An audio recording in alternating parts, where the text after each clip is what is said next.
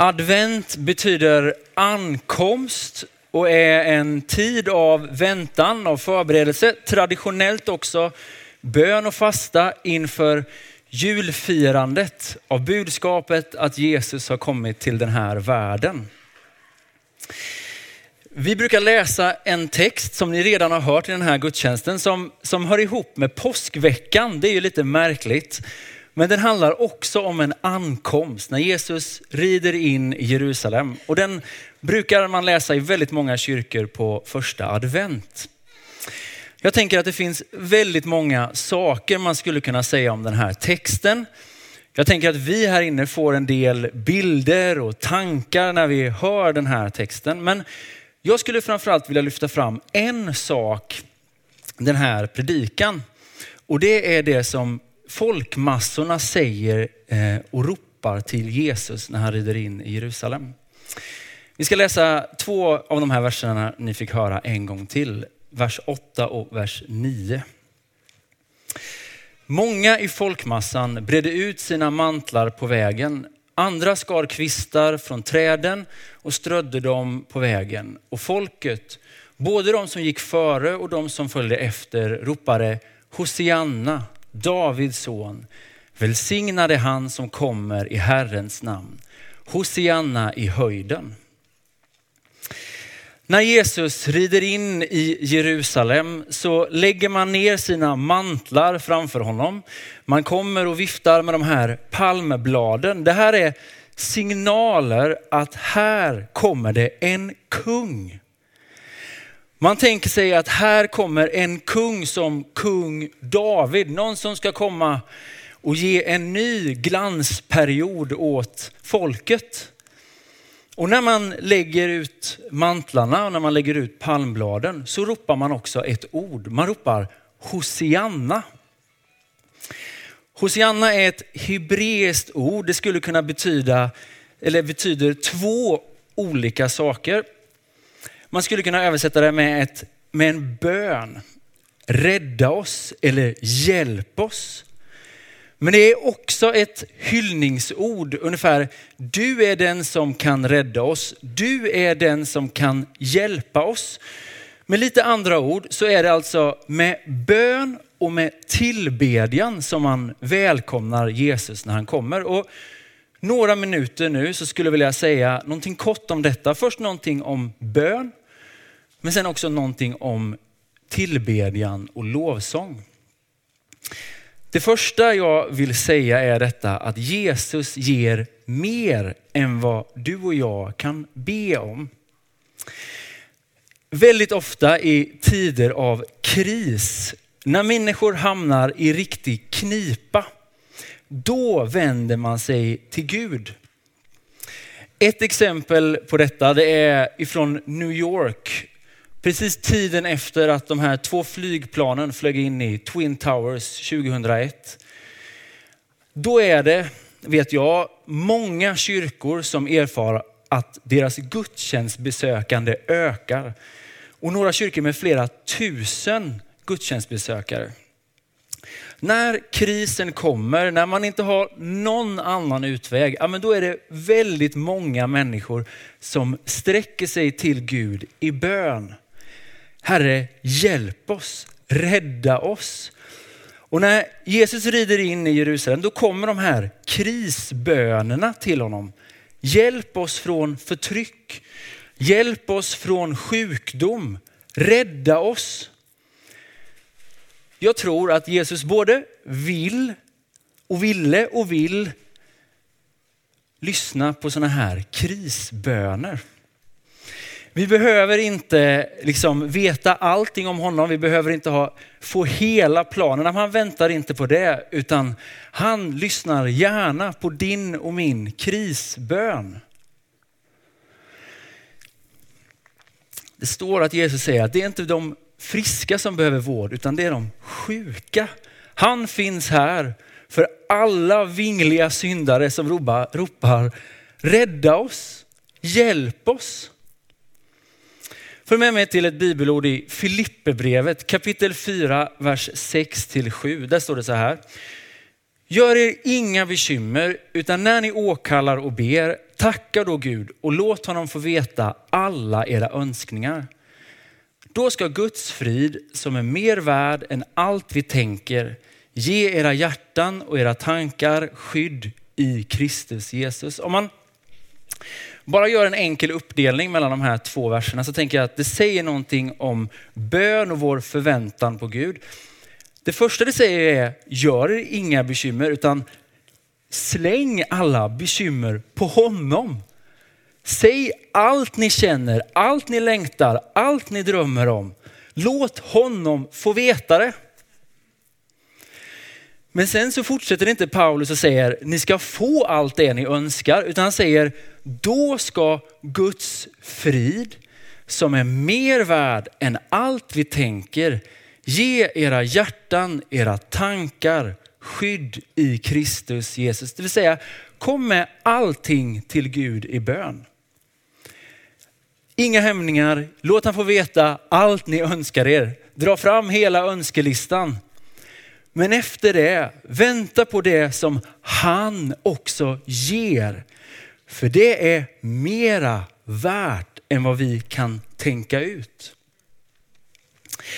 När folket i den här texten ber om en profet så får de en profet. Men den här profeten som rider in i Jerusalem, han kommer ganska snart med ett kargt budskap att den staden som de älskar och templet där de tillber Gud står inför ett stort fall. Men han ska bli personen som vi kan närma oss Gud igenom. Folket ber om en Messias, men den här Messias som rider in i Jerusalem, han ska inte sitta på en tron i Jerusalem. Han hängs upp på ett kors för hela världen. Folket ber om att få bli räddade från ondska, ifrån förtryck. Men det Jesus gör när han rider in i Jerusalem är någonting mer än att rädda dem från ondskan i form av romersk ockupation. Utan han räddar dem från ondskan på ett långt, långt djupare plan. Alltså det är det här som är så märkligt, så häftigt med bön. Att när vi kommer med vårt hjälp, när vi kommer med våran bön om räddning, ja, men då gör Jesus ofta ett grundligare arbete än vad du och jag någonsin kan tänka ut. Jag har eh, ett liten, en liten hobby här hemma och det är att jag uppskattar att renovera. Men vi har ju också två småbarn, vilket gör att den enda tiden när man får renovera det är ju när de har somnat. Och jag börjar, eh, jag börjar fundera på om, om våra barn är synska. För det är så att de kan nästan liksom känna lukten av att det finns en liten, liten förväntan över den här kvällen. Nej, men då ska de naturligtvis inte somna. Och så ligger man där i sängen, klockan är sju, man har läst första sagan. Jag vet hur trött Harald är, men sova gör han inte. Titta på klockan igen, klockan är åtta. Trött på att läsa Mamma Mu. Sover fortfarande inte. Tittar på klockan igen. Klockan är nio. Börjar känna mig frustrerad. Nästan lite abstinent. Ingen renovering ikväll. Förhoppningarna dör ut. Tittar på klockan en sista gång, halv tio och då har det hänt att jag har lättat på mitt hjärta och sagt, men somna då Harald. Det gör han ju inte då. Det får ju helt motsatt effekt. Alltså på riktigt, jag vet inte hur många gånger jag har bett den här bönen. Harald, somna. Gud, låt Harald somna in.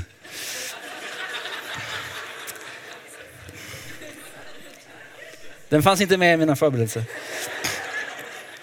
Ja, men rent eh, tekniskt så, eh, så får jag ju bönesvar varje kväll. Han har ju faktiskt somnat varje kväll. Han har aldrig varit vaken hela natten. Men det har inte skett liksom på min timing eller som jag har velat det. Men jag skulle ju ändå inte säga att de här bönerna är obesvarade. För jag tror att Gud har arbetat med mig. Han har gett en frid, ett större tålamod över de här situationerna. Jag behöver inte säga sådär klockan halv tio längre, vilket är skönt. Jag tror att Gud har arbetat med mig på ett djupare plan. Den här enkla bönen, Gud låt Harald somna, tänker jag, men den har han nog också kunnat använda och arbeta med mig.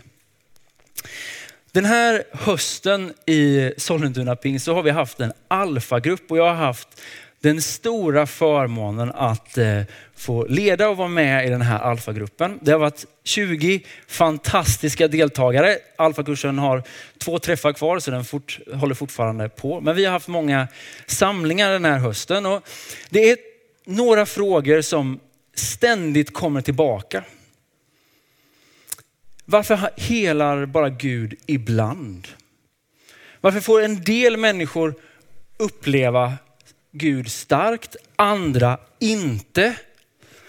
Varför får en del liksom uppleva helande och upprättelse medan andra blir kvar i sina krämpor? Jag tänker att det finns en del här inne som tänker att det där är frågan som avgör om jag tänker att jag kan tro eller inte. Och det ärligaste svaret som jag har är, jag vet inte. Vi vet inte. Men erfarenheten, traditionen, det vill säga hela kyrkans samlade erfarenhet är att Jesus hör din bön. Han hör ditt rop på hjälp. Du kanske inte får exakt det bönesvaret som du hade önskat dig. Men det han ger är ofta bättre än vad vi någonsin kan tänka ut. Det här ordet Hosianna, precis som jag sa innan, är ju dels ett rop på hjälp, en bön. Men det är också en slags tillbedjan, en hyllningsrop. Så nu vill jag säga någonting kort också om tillbedjan. Jag tror att det här är något som finns hos alla människor. Vi har någon slags längtan att sätta vårt hopp, vår tillit till någonting som står utanför oss själva. Jag tror att detta finns hos precis alla människor. Frågan är inte om vi tillber, utan frågan är vad tillber vi? Tillbedjan betyder att vi sätter i centrum, att vi upphöjer, beundrar. Frågan är inte om vi tillber, utan frågan är vad tillber du? Det finns, eh, ja men och den kristna liksom, vad ska man säga, bekännelsen över detta är ju att det bara är Jesus som faktiskt kan ta den platsen. Han är den enda som är värd att verkligen beundra, sätta i centrum. Han är värd vår tillbedjan. Varför då? Ja, men han är den enda som kan ta emot världens hosiannarop. Tillbedjan är inte bara någonting vi gör, utan det är faktiskt platsen där Gud kan få arbeta med oss. Det finns en, en film som heter Pirates of the Caribbean. Hur många har sett den? I den här filmen så finns det en pirat som heter Jack Sparrow. Han spelas av Johnny Depp och han har en väldigt, väldigt speciell kompass. Ni vet, de flesta kompasser de riktar sig efter Nordpolen. Men Jack Sparrows kompass riktar sig inte efter Nordpolen, utan den riktar sig hela tiden efter vad dess användare längtar efter, eller älskar, åtrår, begär, mest av allt i hela världen. Jag tycker det här är en så bra bild för hur våra hjärtan fungerar. Det är inte så att vi har ett ständigt norr som vi alltid pekar och vänder oss åt, utan vårt hjärta är mycket mer som Jack Sparrows kompass. Det är flyktigt. Det vänder sig åt olika saker i olika tider.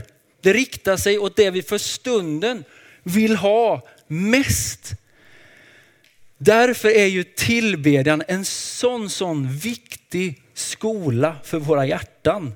Vi måste alltså lära oss att älska rätt saker.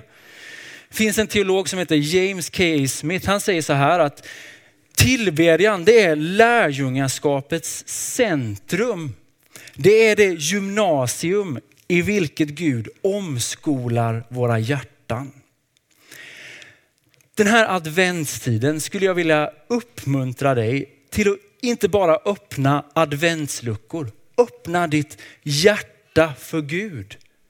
Kom med din tillbedjan. Jag menar, han är värd det. Han är den som kan ta emot världens hosiannarop. Han är den som kan ta emot din sorg, din smärta, din klagan. Han är den som gör ett grundligare jobb i våra liv. Han är den som kan rädda oss och han är den som är värd att höjas upp. Kom med ditt hosianna-rop den här adventstiden. Han är värde. Han är svaret på vår djupaste bön. Nu ska vi be och så kan bandet få komma upp och musikerna. Herre, jag tackar dig att vi får komma inför dig med vårat Hosianna-rop, Herre. Tack att vi får komma till dig med våra krisböner, Herre. Vi får ropa, hjälp oss, rädda oss, Herre. Men jag tackar dig att vi också får komma med våran tillbedjan Herre. Vi får komma och lyfta upp ditt namn den här söndagen Herre. Jag tackar dig för att du är den som är värd att tillbe Herre. Herre, du ser den som har längtat länge efter ett bönesvar eller för ett tecken Herre. Jesus, jag ber Herre att den personen ska få känna att du kommer med din frid Herre. Tack för din frid som är mer värd än vad vi någonsin kan tänka ut Herre. Tack att du gör så många gånger ett grundligare jobb än vad vi kan tänka ut eller be om Herre. Jesus, jag tackar dig för att du är här Herre och att vi får öppna våra hjärtan inför dig Herre. Tack att du kommer med din ankomst in i våra liv Herre. Att du vill ha med oss att göra Herre. Jesus, jag tackar dig för det. Amen.